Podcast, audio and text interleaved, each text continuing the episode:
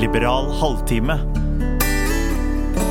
En podkast fra tankesmien Civita.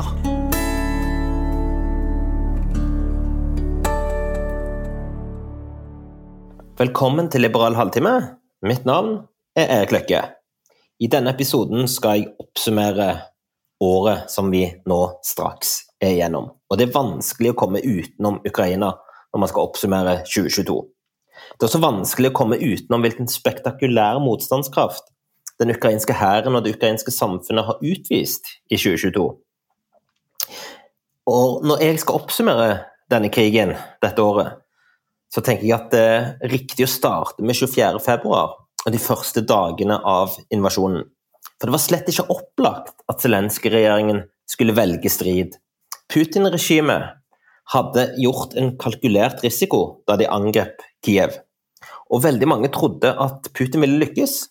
Vi husker jo at Vesten tilbød skyss, og Zelenskyj svarte I need ammunition, not a ride. Og det svaret, i hvert fall for meg, løs som et ekko fra Winston Churchills Fight them on the beaches, we're gonna fight them on the landing grounds. Zelenskyjs tydelige svar samla Ukraina. Det samla også Vesten.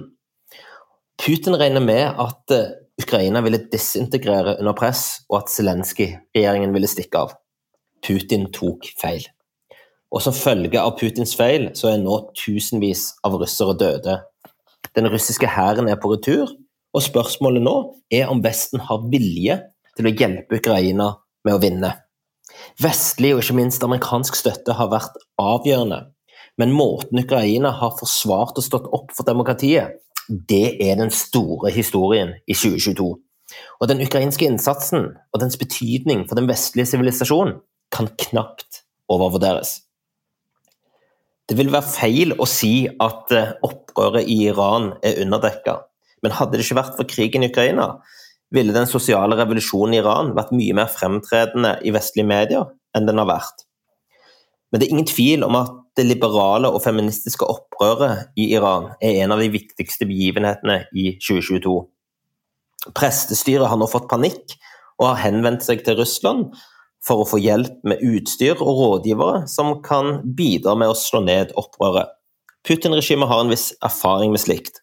Det har for så vidt også ayatollahene i Teheran, men omfanget, dedikasjonen og antall iranere som nå er lut lei diktaturets undertrykkelse av befolkningen generelt, og kvinner spesielt, den er massiv.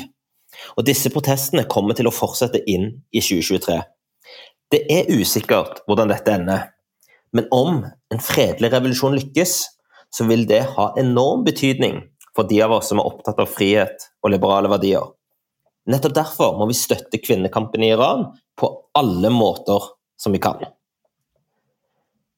Dette året har jeg brukt mye tid på å studere og kommentere kongressvalget i USA i november. Og I likhet med de fleste så ble jeg overraska over at republikanerne ikke gjorde det bedre enn de gjorde. Og at demokratene faktisk greide å øke antallet senatorer og guvernører.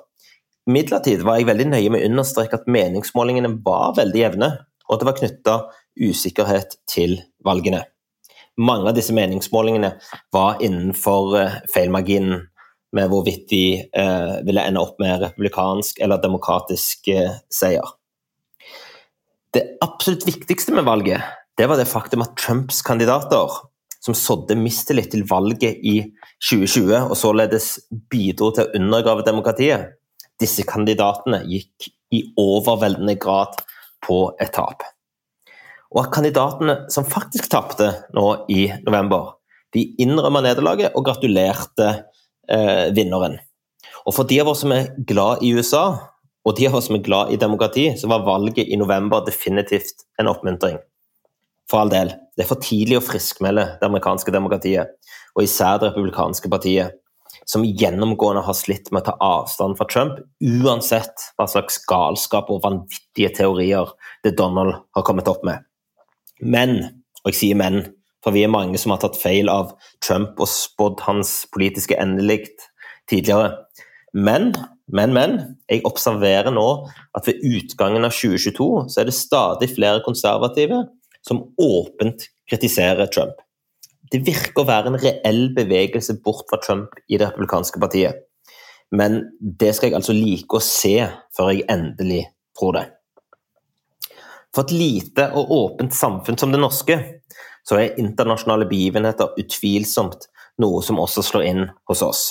Ukraina-krigen gjør at norske strømpriser blir dyrere, og at vi samtidig tjener voldsomt på salg av olje og gass.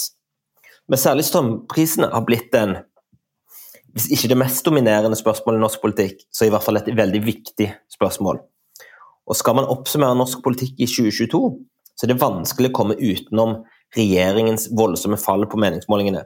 Senterpartiet sliter med å komme over sperregrensen på noen målinger, og partiets fall fra sommeren 2021 er noe av det mest omfattende jeg har observert i norsk politikk.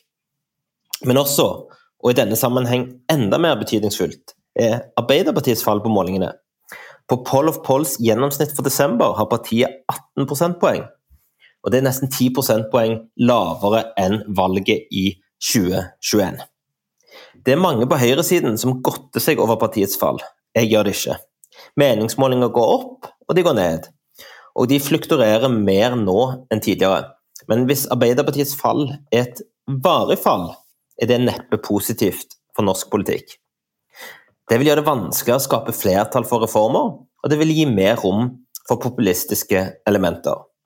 Leonard Cohen uttalte en gang at du vil ikke like det som kommer etter Amerika. Jeg tror de av oss som er borgerlig-liberale, bør ha i mente at vi ikke nødvendigvis vil like det som kommer etter Arbeiderpartiet. For denne podden, for Liberal halvtime, så har 2022 vært et begivenhetsrikt år. Noe som gjenspeiles i de ulike episodene. Ikke minst har Ukraina, Iran, USA vært gjenstand for flere episoder. Strømkrisen og norsk politikk har også vært en gjenganger i eh, Liberal halvtime.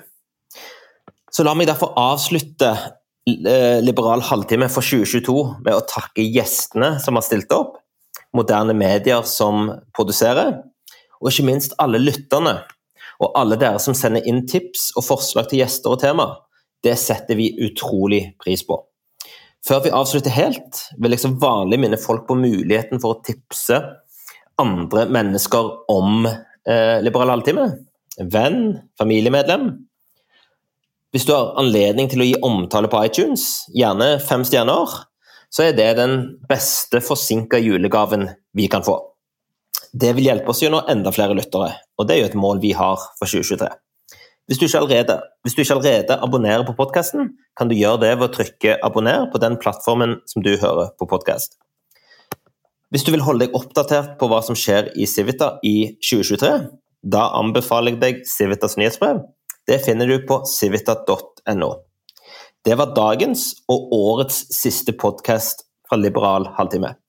Takk for at du lyttet, takk for at du lytta gjennom 2022, og jeg håper vi høres i 2023. Liberal halvtime. En podkast fra tankesmien Civita.